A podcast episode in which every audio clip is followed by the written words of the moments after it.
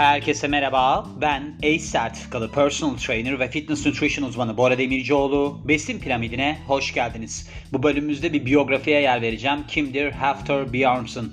Biliyorsunuz kendisi The Mountain olarak HBO'nun dizi serisi Game of Thrones'ta yer alıyordu. 5 sezon oynamıştı. Bu adamın yani aslında bence doğuştan gelen bir avantajı var. Ama bu avantajı çok enteresan bir alanda bence kendine yaradı. Neden? Çünkü bu biliyorsunuz strongman'di yani. Bir de deadlift falan yapardı ya onların hani öyle kategorileri falan var ya. Yani bu adamın boyu 206 santim. 206 santim olmasına rağmen şimdi yerden kaldırdığı miktar tabii ki o mesafe olarak artıyor. Onun için bence çok dezavantajlı ki ben burada baktığımda gördüm. Mesela basketbolla başlamış kariyerine. Orada sakatlandığı için demiş ki ben demiş böyle bir şeye geçiş yapayım. Enteresan yani boyu uzun olan kişilerin aslında bu tarz ağırlık sporlarında pek avantajı yoktur. Ama bu adamın avantajı ne oldu? Çok acayip bir fiziği var yani gerçekten. 323 libre olarak geçiyor. Yani bu 0.458 oluyor. Nereden baksanız bir 150-160 kilo falan yani. 150-160 kilo 206 santim boyunda. Bir de eşi var. Şimdi son zamanlarda evlendiği bir kadın var. Onun da boyu 1.55 bin öyle bir şey. Birazdan bahsedeceğim. Şimdi peki kimdir? Eski strongman sporcusu ve İzlandalı. Biliyorsunuzdur yani bunu. Çok meşhur. Neden çok meşhur aslında? Biliyorsunuz box mox böyle bir maçlar falan yaptı Eddie Hall ile beraber. Hatta Eddie Hall'ü bir de dövdü. Sonra bunların böyle acayip bir basına yansıyan görüntüleri vardı. Yok onun üstüne enerji içeceği fırlatıyordu. Bir şeyler yapıyordu. Sansasyonel durumlar da yani aslında içerisinde bulunabiliyor bu adam. Güzel o açıdan da. Çünkü neden biliyor musunuz? Bir insanın mesela şey vardır. Liam Gallagher tanırsınız belki Oasis'in frontmanidir. O adam acayip böyle manyak manyak hareketleriyle ünlüydü. Yani ben Oasis grubunun ünlü olmasını biraz da ona bağlıyorum. Çünkü aslında Noel var onun kardeşi. O yazıyordu sözleri falan. Ona hatta şef derlerdi. Ama bu adamın o arıza karakteri sayesinde o grup bence çok da ünlü oldu. Böyle bir insanın olması gerekir yani olayların çevresinde döndü. Mesela ben de onlardan birisiyimdir. Ben dururum sürekli çevremde entrikalar döner. Entrikalar, bana iftira atılmalar, bir şeyler sürekli bunların içerisindeyimdir. O yüzden düşünüyorum diyorum ki Bora galiba ünlü olman an meselesi. Hatta diyorum ki bazen sen galiba ünlü oldun farkında değilsin. O yüzden bunu da belirtmek istedim. 2018 yılında World Strongest Man şampiyonu oluyor ve işte şeyi kazanıyor yani Strongman ödüllerinin tamamını kazanıyor. Tamamını derken yani ünvanlarının, büyük ünvanlarının tamamını kazanıyor. Bu ana yarışma üzerinden söylemiyor bu arada. Bir kere zaten kazandı galiba yanlış hatırlamıyorsam. Bir de Arnold Klasiği falan kazanmıştı. Onun haricinde de işte bu İzlanda'da falan yarışmaları kazanıyor. Ondan bahsediyor.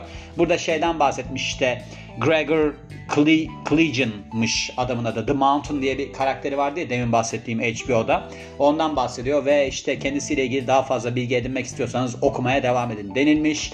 Kendisi Oktam'ın 26 Kasım 1988 doğumlu ve baktığımız zaman şu an 34 yaşında İzlandalı ve dönemleri neler? 2010 ve 2020 boyu 206 santim kilosu ise 323 libre.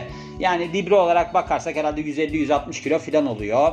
Ve devamına geliyoruz. Kendisinin ailesi çok uzunmuş bu arada. Babasının boyu 204 santim. Annesi de çok uzunmuş. Ondan bahsetmemişler. Ama en uzunları aslında dedesi. Dedesi 207 santimmiş. Böyle aileler vardır biliyorsunuz. Zaten mesela bu haltercileri filan seçmeden önce işte Naim Süleymanoğlu bilmem ne o acayip hani başarıları imza atıyor ya.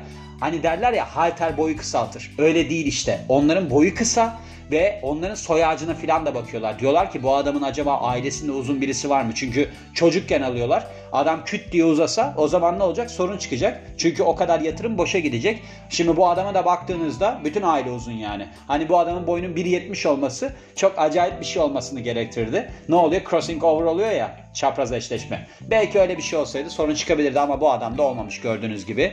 Ve dedesiyle beraber hani ailenin en uzunu dedesi ya onunla beraber çiftlikte tanış tanışarak diyorum çalışarak büyüyor. Dedesiyle çiftlikte tanışıyorlar. Evet bir aşk hikayesi gibi oldu ama ve demiş ki ben acayip derecede yoğun çalışırdım. O zamanlarda hatta orada ağır taşları filan kaldırıyormuş. Demiş ki benim demiş aslında strongman antrenmanım dedemin yanında başladı. Ve sonrasında da işte basketbola bir merak salıyor. Neden? 2004-2006 yıllarında oynuyor da bunun sebebi şu.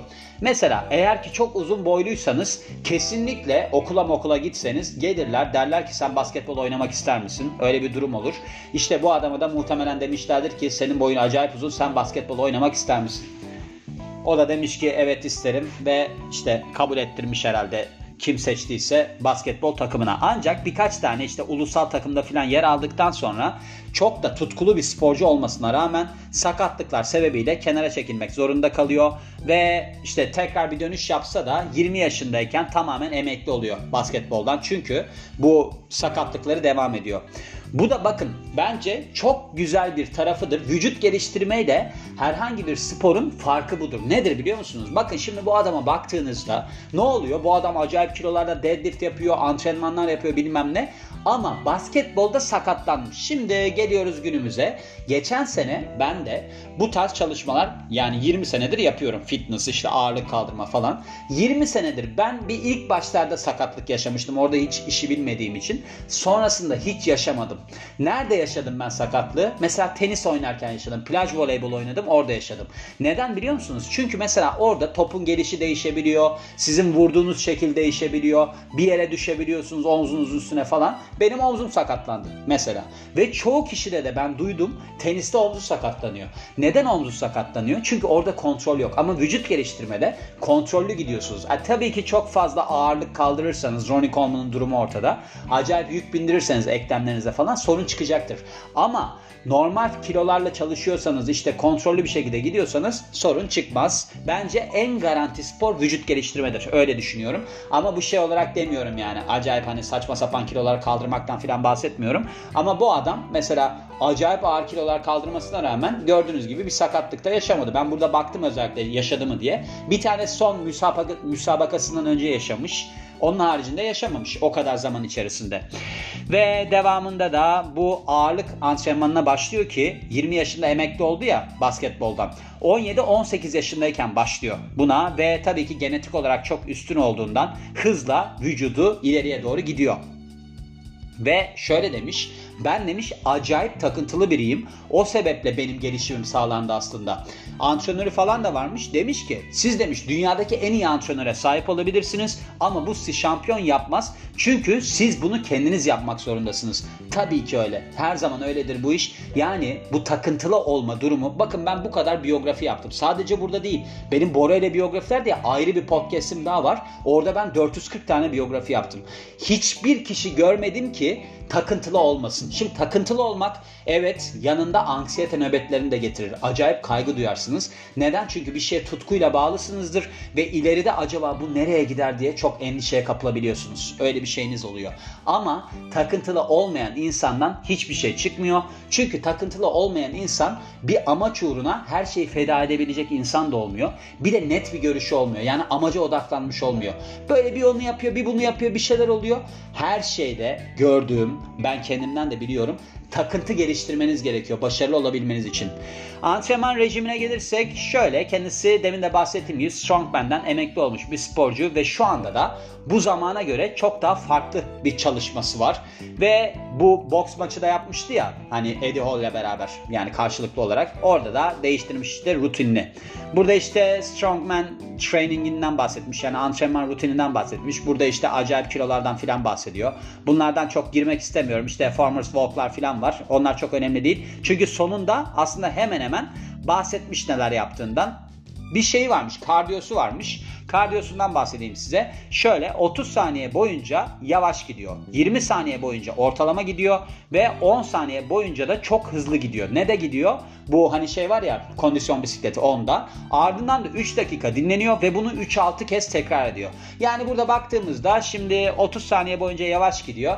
Burada hep bir şey var ne derler? Aerobik tabi aerobik gidecek. Aerobik glikoliz üzerinden gidiyor denilebilir. Yani ona da girmiyor da anaerobiye de pek girmiyor bu 20 30 saniyelik kısım. Hani ortalama hadi anaerobik glikoliz desek 10 saniyede kreatin fosfat kullanıyor. Bunu 3 dakika ara veriyor. Şimdi şey gibi olmuş. Biraz manasız olmuş aslında bu çalışma ama neyse 3-6 kez tekrarlamış. 3 dakika ara vermesi de biraz hani patlayıcı kuvvetteki 2 ile 5 dakikaydı ya ara. Ona benziyor biraz.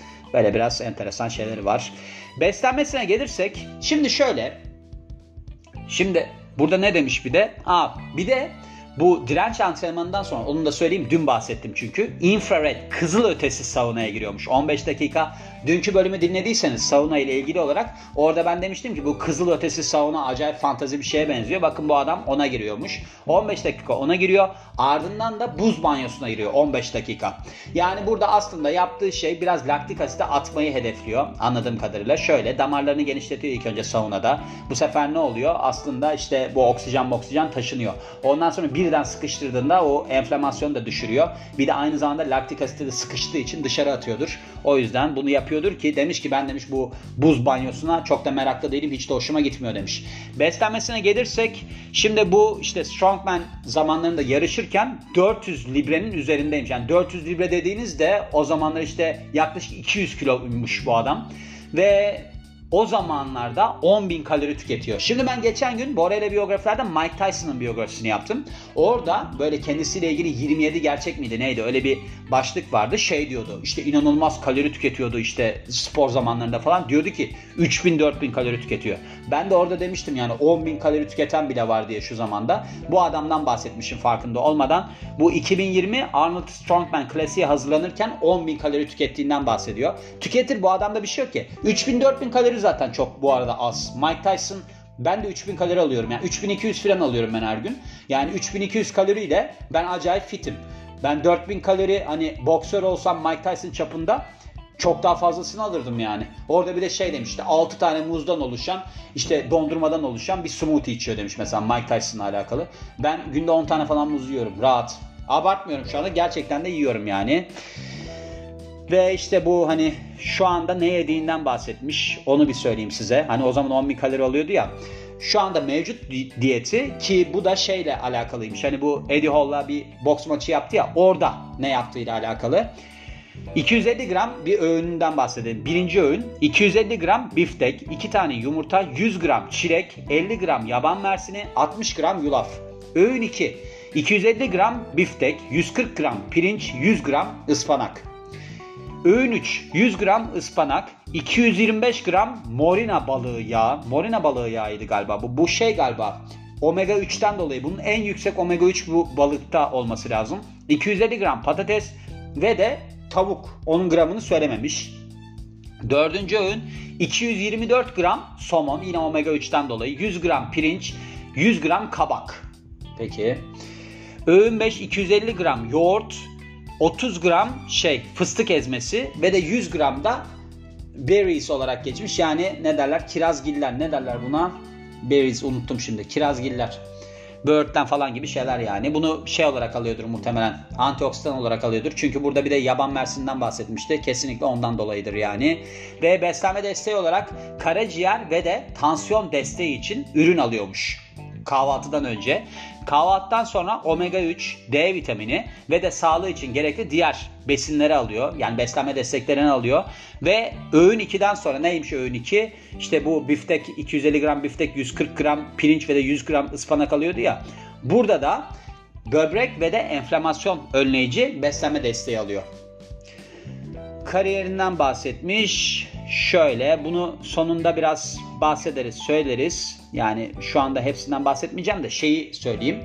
2008 yılında bu dünyanın en güçlü adamı kazananı Magnus Ver Magnusson'la karşılaşıyor.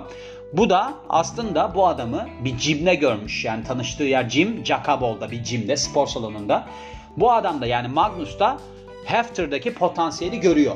Ve diyor ki sen diyor aslında bu spor için doğmuşsun. O yüzden de 2010 yılına kadar kendisini çalıştırıyor ve ardından da tabii ki İzlanda'daki Strongest Man yani en güçlü adam yarışmasını kazanıyor. Öyle bir durumu var.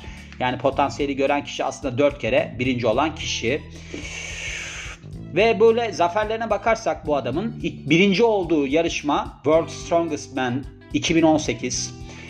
Arnold Strongman Classic'te 2019, 2018 ve 2020'de birinci oluyor. Birinciliklerini sayıyorum sadece. Europe Strongest Man yani Avrupa'nın en güçlü adamı 2014'te birinci oluyor, 2015'te birinci oluyor, 2017, 2018, 2019'da birinci oluyor. Giants Live 2014 iki kere bu FitX Melbourne'da bir birinci olmuş. World's Strongest Viking'de birinci olmuş. 2014 yılında Giants Live'da. 2015'te Viking Challenge'da birinci oluyor. Bir de 2016 Sweden'da birinci oluyor. World's Ultimate Strongman bunu da Dubai'de birincilikte kazanıyor 2018 yılında. Strongman Champions League. Burada 2013'te birinci oluyor, 2015'te birinci oluyor. Ne kadar çok yarışması varmış bunun. John Paul Sigmarsson Klasik 2012'de birinci oluyor. Iceland yani İzlanda'nın en güçlü adamı yarışmasında da hemen hemen hep birinci oluyor. Bakalım 2010'da bir tek üçüncü oluyor. Kalanında 2020'ye kadar hep birinci oluyor. Burada Strongest Man in İzlanda yani Iceland 2010, 2011, 2012, 2016, 2017'de birinci oluyor. Iceland Strongest Viking yani İzlanda'nın en güçlü Viking yarışmasında 2010, 2011, 2012'de birinci oluyor. Oho hepsinde birinci oluyor diyelim. Westford mıdır nedir öyle bir şey. Viking'de 2010, 2011, 2012'de birinci oluyor. Bir de OK Builder Strongman Championships birinci olmuş 2010'da. Böyle bir durumu var yani. Ve başka strongman yarışmalarında kaldırdığı kilolara bakarsak elephant bar deadlift 474 kilo kaldırıyor. Bu elephant bar deadlift tamamen kilitlendikleri var ya son nokta. Hani kaldırıyorlar kilitleniyorlar. Omuzlarını da belli bir hiza tutuyor. Öne doğru eğilmeyecek. Onda 474 kilo kaldırmış ki bunda da şey varmış. Ne derler strap var ya hani bileğine bir şey bağlıyorlar. Onda Arnold Strongman Classic 2019'da kaldırmış bu kiloyu ve dünya rekoru kırmış. Log press kütük kaldırma var. Böyle ellerin içine geçiriyorlar, kütük kaldırıyorlar. 213 kilo. Bunu da Avrupa'nın en güçlü adamı yarışmasında 2018 yılında kaldırıyor. Tire deadlift. Bunu görmüşsünüzdür. Böyle şey kaldırıyorlar. Araba lastiği kaldırıyorlar deadlift formunda. Bunda 460 kiloyla yapıyor. Burada da yine strap var. Yani bileğine bağladığı bir şey var. Bunu da Arnold Strongman Classic 2014'te yapıyor. Log carry yani kütük taşıma. 5 adım atmış 650 kiloyla World Strongest, Strongest Viking yarışmasında 2015 yılında Cactus böyle şey fırlatıyor, fıçı fırlatıyorlar ya bir şeyin üzerinden. 7.15 metre yukarı fırlatmış. Dünyanın en güçlü adamı yarışmasında 2016 yılında. Bir de yine fırlatma var. 8 tane 16.35 saniyede fıçı fırlatıyor. Bunu da 2014 yılında dünyanın en güçlü adamı yarışmasında yapıyor. Böyle şeyleri var. Jim kaldırışları deadlift 501 kilo kaldırmış. 2020 yılında yine strap var. Dünya rekoru kırmış bu şekilde. Bir de resmi olmayan rekorları 480 kilo deadliftle yapıyor bunu. Ve powerlifting müsabaka müsabaka kaldırışları squat 440 kilo 2018 yılında. Bench press 250 kilo 2018 yılında. Deadlift 410 kilo yine 2018 yılında. Ve de total 1100 kilo 2018 yılında. Yani bunların hepsinin toplandığı şey oluyor bu. Bunların hepsini de Torс Powerlifting, Powerlifting Challenge'da yapıyor. Bir de gym kaldırışlarında squat var 445 kilo, bench press var 245 kilo. İşte bu boks maçından bahsetmiş. İşte yendiğinden filan bahsetmiş. İşte Eddie Hall bir tane daha böyle bir maç istemiş falan. Ondan bahsetmiş. Ve devamına gelirsek kişisel yaşamına bakarsak şöyle. Hafter Thelma Bjorksteinman'la ki bu kadından bir kızı varmış bir ilişkisi oluyor. Ve aynı zamanda da Andrea Sif Jones daughter mıdır nedir nasıl telaffuz ediliyor bilmiyorum. 2017'ye kadar ilişkileri oluyor. Şu andaki eşi Kelsey Hansen'la 2018 yılında evleniyorlar ki Kanada'da bir Strongman yarışmasına katıldığında tanışmışlar. Bu kadının boyu 1.57. Bu adamın boyu 206 santimdi değil mi? Öyle bir şey. Çok uyumlu bir çift yani. Sadece aralarında 50 santimlik fark var. Ve işte Kelsey ile olan, Kelsey Hansen'la olan evliliğinden de bir kız çocuğu dünyaya geliyor. 26'sında Saturday 26 demiş. Ne olduğunu bilmiyorum. 26'sı 2020 26'sında belli bir ay olarak söylememiş. Bir kız çocuğu dünyaya geliyor ve tekrar bir çocuk şeyi planı varmış çiftin. 5 dil konuşuyor. İsveççe, Norveççe, İzlandaca, İngilizce ve Fransızca ve aynı zamanda da dövmeleri varmış bu Viking şeyine mirasına özgü. Aynı zamanda da John Paul Sigmarsson dövmesi varmış. Bu da aslında World's Strongest Man müsabakasını kazandıran ilk kişiymiş tarihteki. Onun da bir şeyi var. Kendisi demiş ki 2019 yılındaki bir röportajında kızıyla 3 senedir görüşemediğinden bahsediyor. Diyor ki benim için çok zor bir dönem. Ben bunu bir türlü aşamıyorum. Yani bu şeyden bahsediyor herhalde. İlk eşinden bir tane kızından bahsediyor. Teresa Leaf adında. Ondan bahsediyor. Çünkü bu kadın kendisinin şiddet suçlaması yapmış. Demiş ki işte ben demiş bu adamdan şikayetçiyim çünkü bana şiddet uyguladı. Adam da karşı taarruza geçmiş. Demiş ki hayır demiş o bana şiddet uyguladı. Yani bu adama şiddet uygulanmış. Düşünebiliyor musunuz? Öyle bir durumu var. Birkaç tane olayı var hatta bununla alakalı olarak. Bu eski nişanlısıymış bu kadın. Thelma Bjorkstein'ın aynı kadından bahsediyor değil mi? Demek ki kadından bahsettiğini düşünüyorum. Bakalım o muymuş? Çok da uzun bir biyografi. Evet ondan bahsediyor. Yani kızının olduğu kadın bu. Kadın demiş ki bana demiş şiddet uyguladı. O da demiş ki hayır demiş. Ben ona şiddet uygulamadım. O bana şiddet uyguladı. Şöyle Şimdi doğru da olabilir biliyor musunuz? Yani bu tarz adamlar şimdi kadına vursa vursa öldürür yani. Genelde sakin oluyor bu tarz adamlar. Çünkü spor salonunda falan atıyor öfkesini. Ama biliyorsunuz roid rage denilen bir şey vardır. Bu adam steroid kullanıyordur yani %100. Orada bir öfke durumu olabiliyor. Yani ondan dolayı da belki gelişmiş olabilir ama pek de zannetmiyorum nedense. Genelde kadınlar şiddet uyguluyor böyle durumlarda. Bir değişik durumlar olabiliyor yani. Ve devamında işte girişimlerine bakarsak işte sosyal medyada çok popüler 600 bin YouTube takipçisi var. 3.9 milyon Instagram takipçisi var. Baz Palsy'den muzdarip olmuş bir dönem. Bu da yüzün bir tarafını etkileyen bir durum. Böyle bir felç geliştiriyor. 2017 yılında olmuş. Bu Angelina Jolie'de de olmuştu. Bu Brad Pitt'le boşanma durumlarında.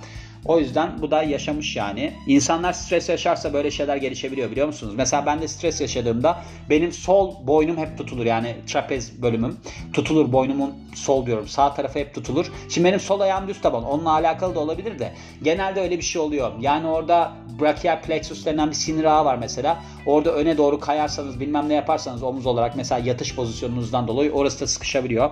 Durumlar kötüye doğru gidebiliyor yani. Ben de çok stresli birisiyimdir. Anksiyetem çok yüksektir. Bahsetmiştim bir bölümde. Ve oyunculuk işlerine gelirsek kendisini biz en çok nereden tanıyoruz? Game of Thrones'tan 5 sezon boyunca oynadığı oradan tanıyoruz. Bununla beraber pek çok filmde de yer almış. Bunları söylemeyeceğim de 2015 ile 2022 yılları arasında 6 tane yapımda yer alıyor. 2, 4, 6, 7 tane yapımda yer alıyor. Televizyonda da yer almış. 2, 4, 6 yine 7 tane yapımda yer almış burada. 2012 ile 2019 yılları arasında. Bir de bir dizide yer almış. 2022 yılında Eddie vs. Thor olarak The Truth Himself Documentary olarak adı da. Böyle bir durumu var. Başka da bir şeyi yok. Gördüğünüz gibi böyle bir insandı. Bayağı da uzun bir biyografiydi. Gerçekten nasıl özetleyeceğimi şaşırdım biliyor musunuz? Bayağı bir çabaladım yani. Ama bu adamı da yapmak istiyordum. Çünkü ben şeyi çok merak ediyorum genelde. Bu insanlar hani nasıl başlamışlar, nereden çıkmış. Gördüğünüz gibi bir spor salonunda tanışıyor. Ama yaratılış olarak şanslı olmanız gerekiyor bazı noktalarda. Şimdi bunun gibi bir adamı gerçekten de HBO'nun kastına katıldığında görmüştür yapımcılar ve demiştir ki tamam ya Mountain bu yani. Adam gerçekten de dağ gibi yani. Bu adamı seçmeliyiz. Bir de tipi falan da iyi baktığınızda. Bir de ne demiştim? Takıntılı. Takıntılı olunca oyunculuğu da iyi yapar. Oyunculuğu iyi yapar, sporu iyi yapar, her şeyi iyi yapar. O yüzden bence çıkaracağımız ana fikir herhangi bir alanda başarılı olmak için takıntılı, obsesif olmak. Bu iki uçlu bir bıçaktır. Bazı noktalarda sizi çok ileri götürür ama genel hayatınızda çok olumsuz yönleri vardır. Bununla yaşamaya alışın eğer ki böyle bir durum, durumunuz varsa diyorum ve bu bölümün de sonuna geliyorum. Beni dinlediğiniz için çok teşekkür ederim. Ben Bora Demircioğlu. Yeni bir bölümde görüşmek üzere. Hoşçakalın.